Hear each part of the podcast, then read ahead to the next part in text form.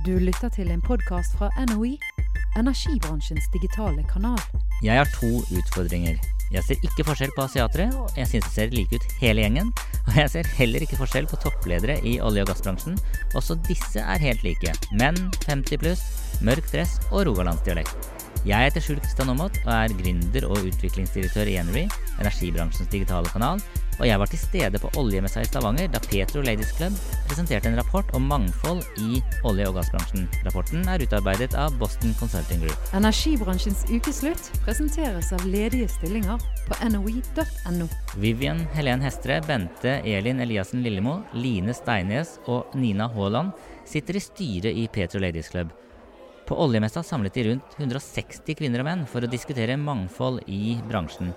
Men hva er egentlig Petro Ladies Club?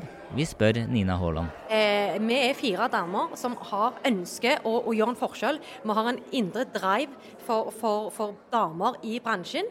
Eh, vi ønsker å skape en plattform hvor kvinner i olje og gass kan treffes. De ønsker altså å skape en plattform der kvinner møtes. Da er det jo et litt morsomt ordspill at man faktisk måtte kjempe for å gjøre det mulig for kvinner å komme seg ut på en plattform.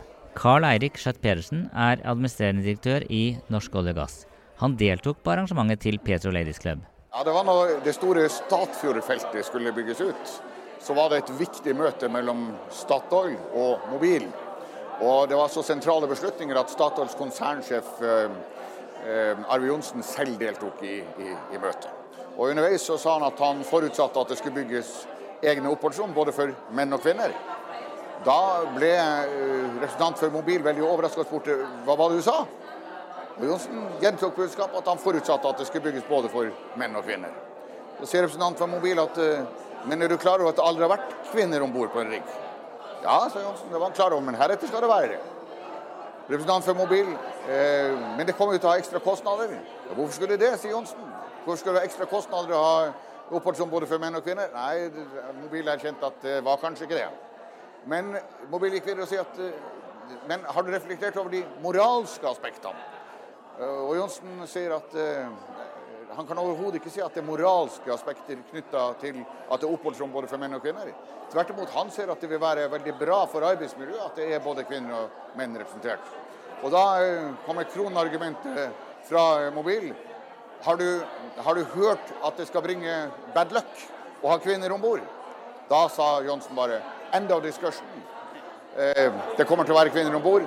Vi er den største investoren i dette prosjektet. Og slik kom kvinner om bord på oljevirksomheten. Men hvorfor er det så viktig med mangfold? Vi spør Maria Moreus Hansen, toppsjef i det tyske energiselskapet DEA. Hvis man som industri ønsker å være relevant i forhold til det samfunnet man representerer, de kundene man har, og hvis man ønsker å greie å rekruttere fra hele befolkningen, fra hele talentpoolen, så må du ha eh, gender diversity og gender equality i selskapene. For det første er det viktig ved at uh, industrien bør eh, gjenspeile samfunnet. For det andre så er det viktig at man, at man, tenker på litt forskjellige måter. Og da er det ikke bare viktig å få eh, menn og kvinner inn i industrien, men det er viktig med, eh, med forskjellighet generelt. Eh, etnisk, eh, seksuell orientering, aldersgrupper og mellom menn og kvinner. Så det at du har en, en, en, en industri og ulike industrier som representerer dette, hele dette mangfoldet, det bidrar til at du får opp et bredere spekter av forståelse, bredere spekter av ideer, som igjen vil kunne bidra til bedre lønnsomhet. Men hva skal til for å få gender diversity? Jeg spør Ulrikke von Lonsky, kommunikasjonsdirektør i World Petroleum Council, som sammen med Boston Consulting Group står bak rapporten Untapped Reserves Promoting Gender Balance in Oil and Gas. Gender is an important aspect for the companies Only if the CEO takes on the responsibility of making gender a business imperative is real change possible. Line Steines i Petro Ladies Club forklarer hvorfor denne rapporten er relevant. Eh, bakgrunnen for rapporten, eller hvorfor vi ville sette den på agendaen, det er litt fordi at den gir en slags akademisk tilnærming til å si noe om tilstanden innen olje og gass. Og at vi ser at det er allmenngyldig for industrien worldwide istedenfor bare i Norge. Og så er det når tallenes tale snakker ganske tydelig, så kan vi gå derifra til å si OK, hva gjør vi nå? Og Rapporten har en god tilnærming i forhold til å foreslå tiltak og hva som virker. Og Da ønsker vi å sette fokus på det og si OK, men her er forslaget, da. Hva gjør vi i arbeidet videre for å komme eh, og øke tallene? Energibransjens ukeslutt presenteres av ledige stillinger på noi.no. Men står det virkelig så dårlig til med mangfoldet i olje- og gassindustrien? Jeg spør Karl Eirik Skjøtt Pedersen. Det er helt klart at det er en altfor dårlig representasjon av kvinner, både i industrien generelt og i de ulike ledernivåene. Du tenker kanskje at det er flere menn i industrien og i lederposisjoner fordi menn er villige til å ofre mer og jobbe hardere. Dette mener Ulrikke von Lonsky er feil. When we asked about uh, the flexibility uh, of women in, in oil and gas, they were a lot more prepared to go the extra mile to work longer, take extra courses, uh, spend some of their own money, uh, go abroad than men. So uh, the bias of, of uh, men saying that uh, women aren't as flexible, that's why we cannot put them into leadership position, actually prove to be not true. And I think a lot of these biases still exist and need to be addressed. They have to be found and then, uh, then challenged and changed. Men Karl Eirik Skjøtt Pedersen mener at det ikke er helt mørkt. Så ser vi at det er en del eh, positive trekk. I den offentlige delen av virksomheten så ser vi at vi har eh, kvinnelig departementsråd i departementet, vi har kvinnelig leder av Oljedirektoratet, kvinnelig leder av eh, Petroleumstilsynet, kvinnelig leder av Petoro, kvinnelig leder av eh, Norsk olje og gass. Men i selve industrien så er det en klart lavere deltakelse av kvinner generelt, og også på de høyere nivåene. Men så ser vi noen veldig positive utviklingstrekk. Vi ser at f.eks. i Equinor, som jo Statoil nå heter, de har et bevisst forhold til å rekruttere flere kvinner. og Der øker også kvinneandelen på de ulike eh, ledernivåene. Og vi har både i Equinor og i eh, Aker BP 40 kvinner i, i, eh, i, i styrene. Men hva er den egentlige utfordringen? En grunnleggende utfordring er at det er for få kvinner som kommer inn i næringa. Det har igjen sammenheng med at det er for liten rekruttering til realfag. Derfor har vi hatt stort fokus på det. Og I tillegg så må vi ha en bevissthet om at vi ønsker flere kvinner rekruttert inn i topposisjoner. Men vi har et arbeid å gjøre i forhold til å øke interessen for oljenæringa eh, blant eh, kvinner.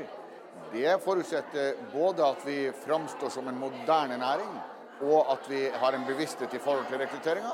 Og så må vi ha en bevissthet i forhold til å rekruttere kvinnelige ledermodeller. For vi trenger flere kvinner slik som Bente Nyland, som er i Oljedirektoratet. De to Kristin, som leder hvert sitt selskap. Eh, Maria Morøys Hansen, som har vært her i dag, som jo er eh, internasjonal toppsjef for, for, sitt selskap. Vi trenger flere, og vi må se disse rollemodellene. Men er det sånn at dersom vi har kvinner i organisasjonen, så har vi mangfold? Vi spør Maria Moreus Hansen. Siden jeg da i mange år har representert en kvinnelig leder, kanskje i en noe mannsdominert industri, så tar jo jeg også det forbeholdet om å si at jeg representerer ikke mangfold. Jeg kommer ikke inn fordi jeg nødvendigvis har andre verdier eller jeg nødvendigvis har andre perspektiver.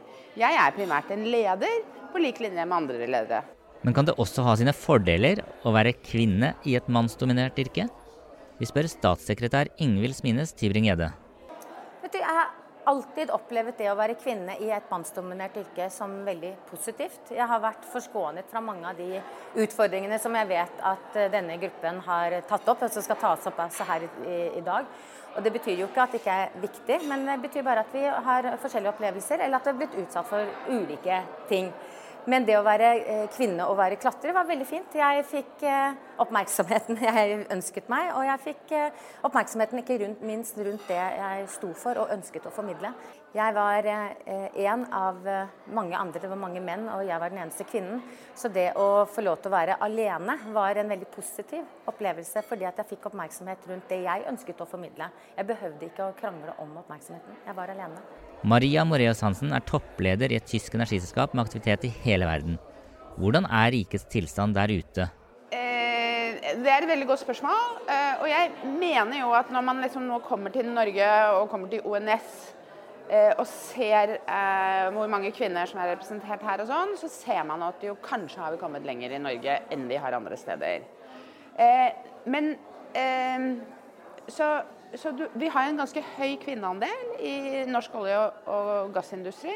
Men det er klart at vi mangler jo fortsatt liksom de veldig profilerte toppene. Og det må vi gjøre noe med. Og jeg mener at vi har ikke tid til å vente. Altså vi må gjøre noe nå. Men det er jo interessant at hvis du f.eks. reiser offshore i Nederland, da. Og det, det er kanskje fire-fem år siden så reiste jeg offshore i Nederland første gang. Og så finner du ut at det er ikke én dame der. Sånn at denne kjønnsbalansen eller manglende, eh, manglende eh, liksom mangfoldsdebatten er kanskje noe overraskende også. Altså Av og til så er det rett og slett liksom ingen kvinner i deler av industrien. Til tross for at de egentlig kommer fra et ganske likestilt samfunn. da. Teknologiselskapet Cognite har vokst til mer enn 110 personer på 18 måneder.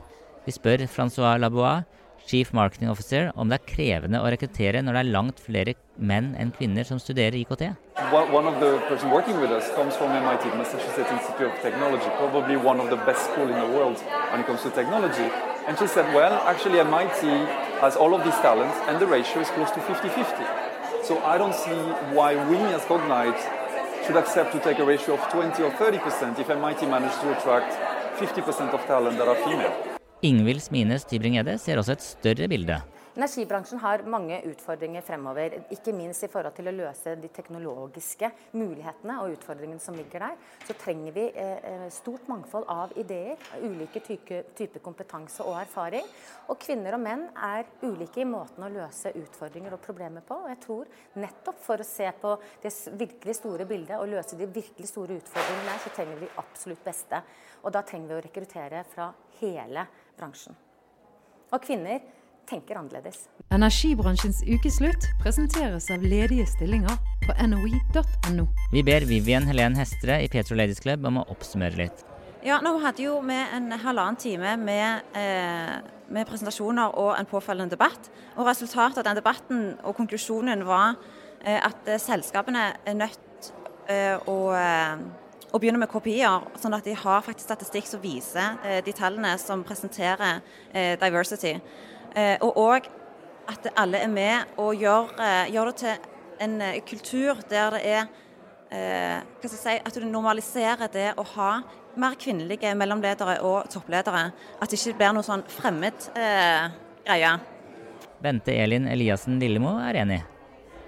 Vi må få til en mer balanse, det er det ingen tvil om. Så den dynamikken der, den, har, den må vi få til for å få bedre båndlinjer. Mer innovasjon, veien å gå. Så spør vi Ulrikke von Lonsky, nå som vi vet alt dette. Dersom topplederne i industrien fortsetter som før, hvor vil vi være om 20 år? Um, if they don't set themselves targets to achieve a higher percentage, then we will still be having this conversation in another 20 years. Du har nå lyttet til en podkast fra NOE, energibransjens digitale kanal.